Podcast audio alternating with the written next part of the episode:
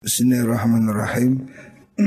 Qala Rasulullah sallallahu alaihi wasallam Sayyidul qaumi fi safari khadimuhum. Sayyidul qaumi utai kustini kaum pemimpin ya. Sayyidul qaum itu orang yang menjadi pemimpin fi safarin dalam pelungo di dalam perjalanan iku khadimuhum palatene mengkono kaum.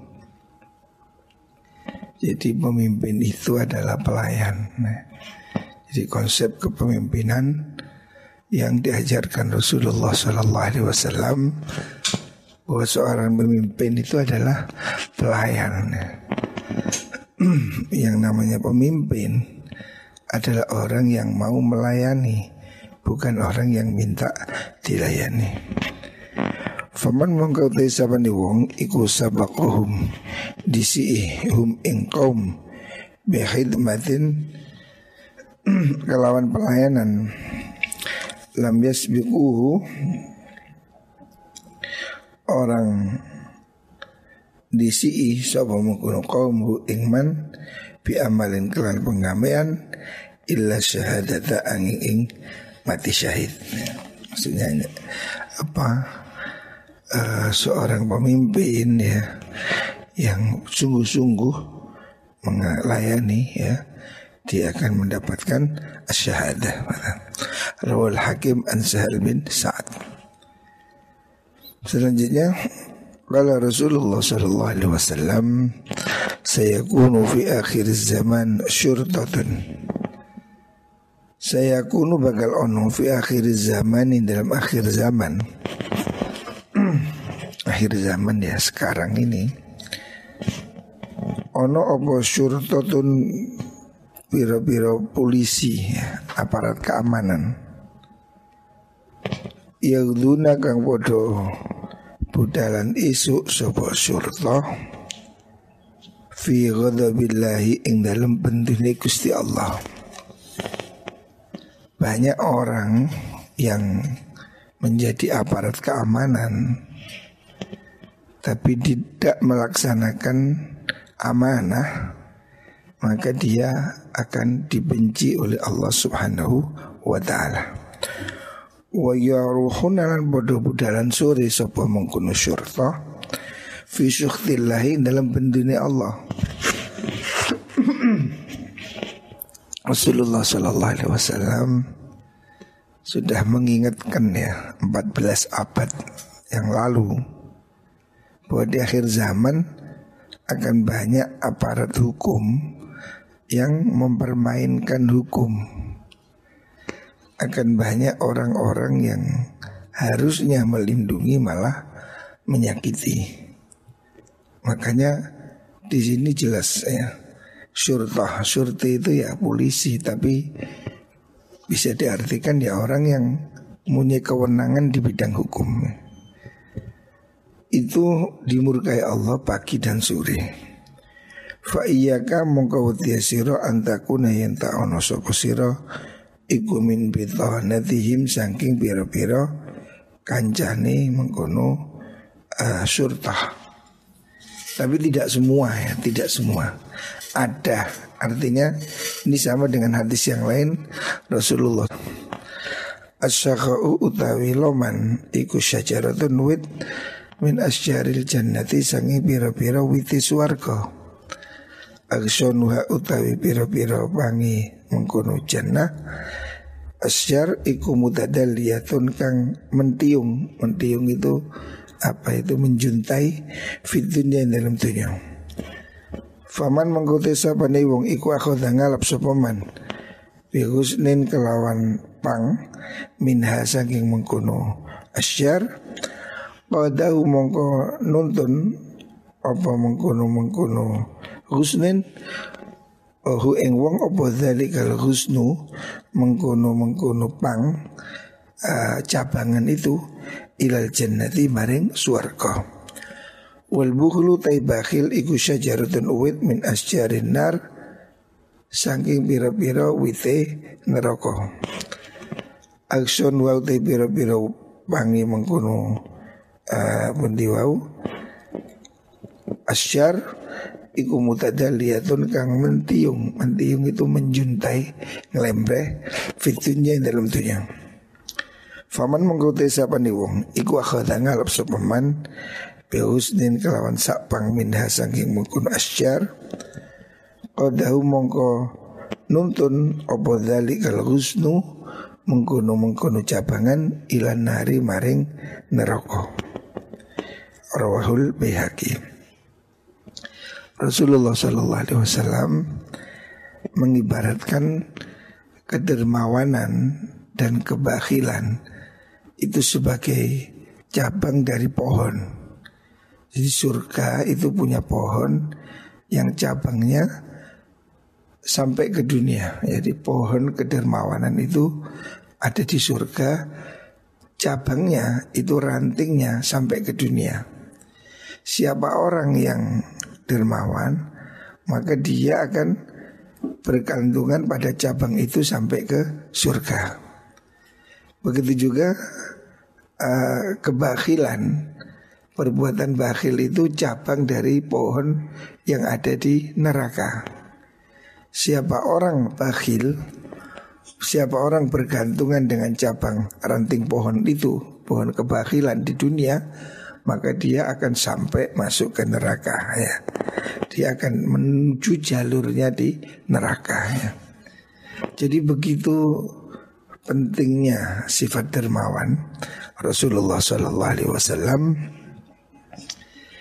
menggambarkan dermawan itu seperti cabang dari pohon yang ada di surga sehingga orang dermawan itu cabang ini kan akan tersambung ke pohonnya. Dermawan dijamin masuk surga. Pelit itu pohon yang ada di neraka. Siapa orang bergelantungan dengan pohon kepelitan ini, dia akan menuju ke neraka. Ya. Jadi pelit itu sesuatu yang harus dihindari. Ya. Rasulullah Shallallahu Alaihi Wasallam mengingatkan jangan jadi orang pelit. Ya apalagi pelit pada kebaikan kepada tetangga, pelit kepada orang-orang yang berhak ya. Jangan jadi pelit. Ada di neraka. Sementara dermawan itu pohon yang ada di surga. Siapa orang pelit akan masuk neraka, siapa orang dermawan akan dituntun masuk surga ya. Ini harus menjadi satu peringatan ya. Jangan jadi pelit. Rawal Baihaqi. Selanjutnya as-sa'adatu kulla sa'adah tulul umr fi taatillah. As-sa'adatu utai kebejan, kebahagiaan. Kebahagiaan kulla sa'adati. Kalawan sekabiani kebahagiaan. Kebahagiaan yang hakiki ya. Ikutulul umri dawani umur fi taatillahi ing dalam taat maring Gusti Allah. Kebahagiaan yang sesungguhnya ya adalah kalau kita panjang umur dan taat pada Gusti Allah. Panjang umur tidak taat pada Allah itu percuma ya. Kita harusnya jadi panjang umur dan taat kepada Allah. Ini nikmat yang besar ya. Kita tidak tahu usia kita ini akan kapan berakhir. Tetapi kita berusahalah untuk hidup yang baik ya. Muka-muka diberi panjang umur ya. Jaga kesehatan ya. Panjang umur tidak sehat juga susah. Hendaknya kita ini minta pada Allah diberikan panjang umur tetapi taat kepada Allah. Ini kebahagiaan. Panjang umur, masanya panjang, dan taat pada Allah sehingga kebaikannya banyak sekali. Orang harus berusaha untuk menjaga dirinya, jaga kesehatannya. Ya. Walaupun soal umur ini rahasia dari Gusti Allah. Kita tidak tahu umur manusia berapa. Tetapi kalau kita diberi panjang umur dan taat, itu adalah nikmat ya. Karena kebaikan itu akan terus bertambah-tambah. Hadis rawahul qadai. Selanjutnya as-sa'i alal al-marah wal miskin kal mujahid fi sabilillah. Rasulullah Shallallahu Alaihi Wasallam mengatakan asai orang yang bekerja, orang yang apa, melakukan pengabdian, orang yang berjalan artinya berjalan bekerja ya membantu alal armati al, alal armalah kepada para janda-janda ya membantu para janda wal miskini dan orang miskin ya janda-janda tua, janda-janda yang tidak ada yang menafkahi ya. Siapa orang menolong menafkahi para janda wal miskin dan orang miskin ya. Artinya dimaksud itu menolong orang yang tidak berdaya ya. Janda dalam artian orang yang tidak mampu, orang tidak ada yang menafkahi, orang tidak punya suami, wal miskin dan orang miskin Kal mujahidi fil sabi sabilillah Pahalanya menyantuni janda dan orang miskin Iku kal mujahidi seperti orang yang jihad fi sabilillah di dalam agama Allah Awil qaimi atau orang yang sholat Al qaimil laili atau orang yang sholat di waktu malam tahajud as-shaimin nahar yang puasa di waktu siang. Ini hadis sahih riwayat Imam Bukhari Muslim rawat Sekhan. Rasulullah Shallallahu Alaihi Wasallam menyuruh kita untuk peduli pada nasib orang-orang lemah. Di sini digambarkan ya al-malah janda-janda orang-orang yang tidak punya kemampuan ya. Janda-janda yang dalam kondisi miskin, wal miskin dan orang miskin ya, anak yatim ya Orang-orang lemah itu harus dikuatkan. Siapa orang berjuang untuk menafkahi mereka, berjuang untuk membantu orang-orang yang luafa, maka dia kal mujahid fisabilillah, pahalanya bagikan jihad fisabilillah. Jadi dia bekerja dengan niatan membantu orang-orang yang tidak mampu itu seperti jihad fisabilillah ya pahalanya besar awil qaimil lail. Sama dengan tahajud di waktu malam as-shaimin nahar puasa di waktu siang. Artinya kesalian sosial ini penting ya. Orang jangan hanya mikir tahajudnya jangan hanya mikir puasanya tapi peduli pada orang lain itu tidak kalah nilainya dengan pahalanya tahajud. Tidak kalah nilainya dengan pahalanya jihad visabilillah. Jadi jihad itu jangan diartikan hanya perang. Hari ini kita perlu jihad ekonomi, jihad pendidikan ya. Bagaimana kita membantu orang-orang miskin, bagaimana kita peduli pada uh, finansial ekonomi orang-orang yang tidak mampu.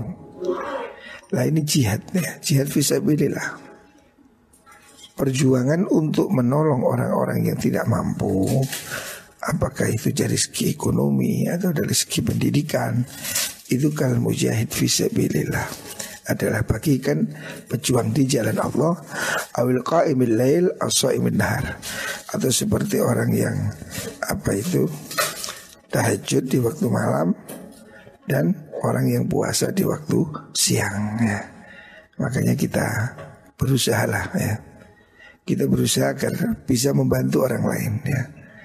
Pagi ini kita mengaji dua hal yang penting. Satu tentang kedermawanan ya. Siapa yang dermawan Dia dicintai oleh Gusti Allah ya As-sakhiyu qaribun min Allah Dermawan itu dekat dengan Allah ya Qaribun minanas dekat pada manusia ya Qaribun minal jannah baidun minan nar Orang yang ahli memberi, suka memberi itu dekat ke surga. Sebaliknya, orang yang bakhil itu jauh dari Allah, jauh dari manusia, jauh dari surga, dekat ke neraka.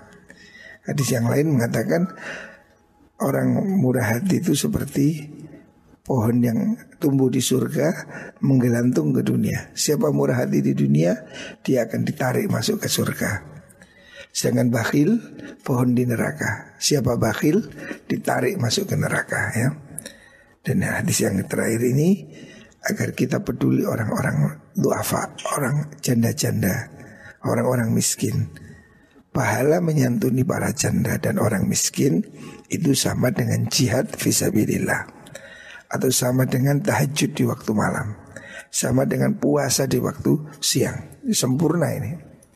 Jadi orang yang berjuang menyantuni orang-orang miskin itu dapat pahala sekaligus sebagai mujahid, sebagai tahajud dan sebagai puasa ya. Ini kan kebaikan yang total. Ya. Jihad visabilillah itu kan puncak ya. Kebaikan tertinggi itu kan jihad visabilillah. Jadi jihad itu tidak harus perang ya. Jihad ekonomi hari ini kita berbuat ya. Makanya kita di Pondok Pesantren An-Nur 1 di Pulau Lawang pesantren kita ini di Malang berusaha untuk selalu ikut menyantuni anak-anak ya. Kita punya lembaga namanya Lazis Lembaga Amil Zakat Infak Sodakoh Pondok Pesantren An-Nur 1 Pulau Lawang Malang.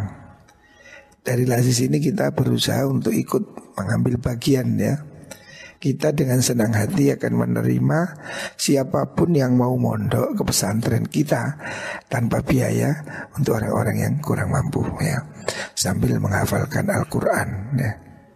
Makanya kita ingin ayo kita berbagi ya. Kita di pesantren An-Nur di Lawang Malang ini kita mempunyai lazis yang siap untuk bersama berbagi ya. Kita ingin jangan sampai ada orang tidak sekolah karena biaya. Kita ingin peduli ya.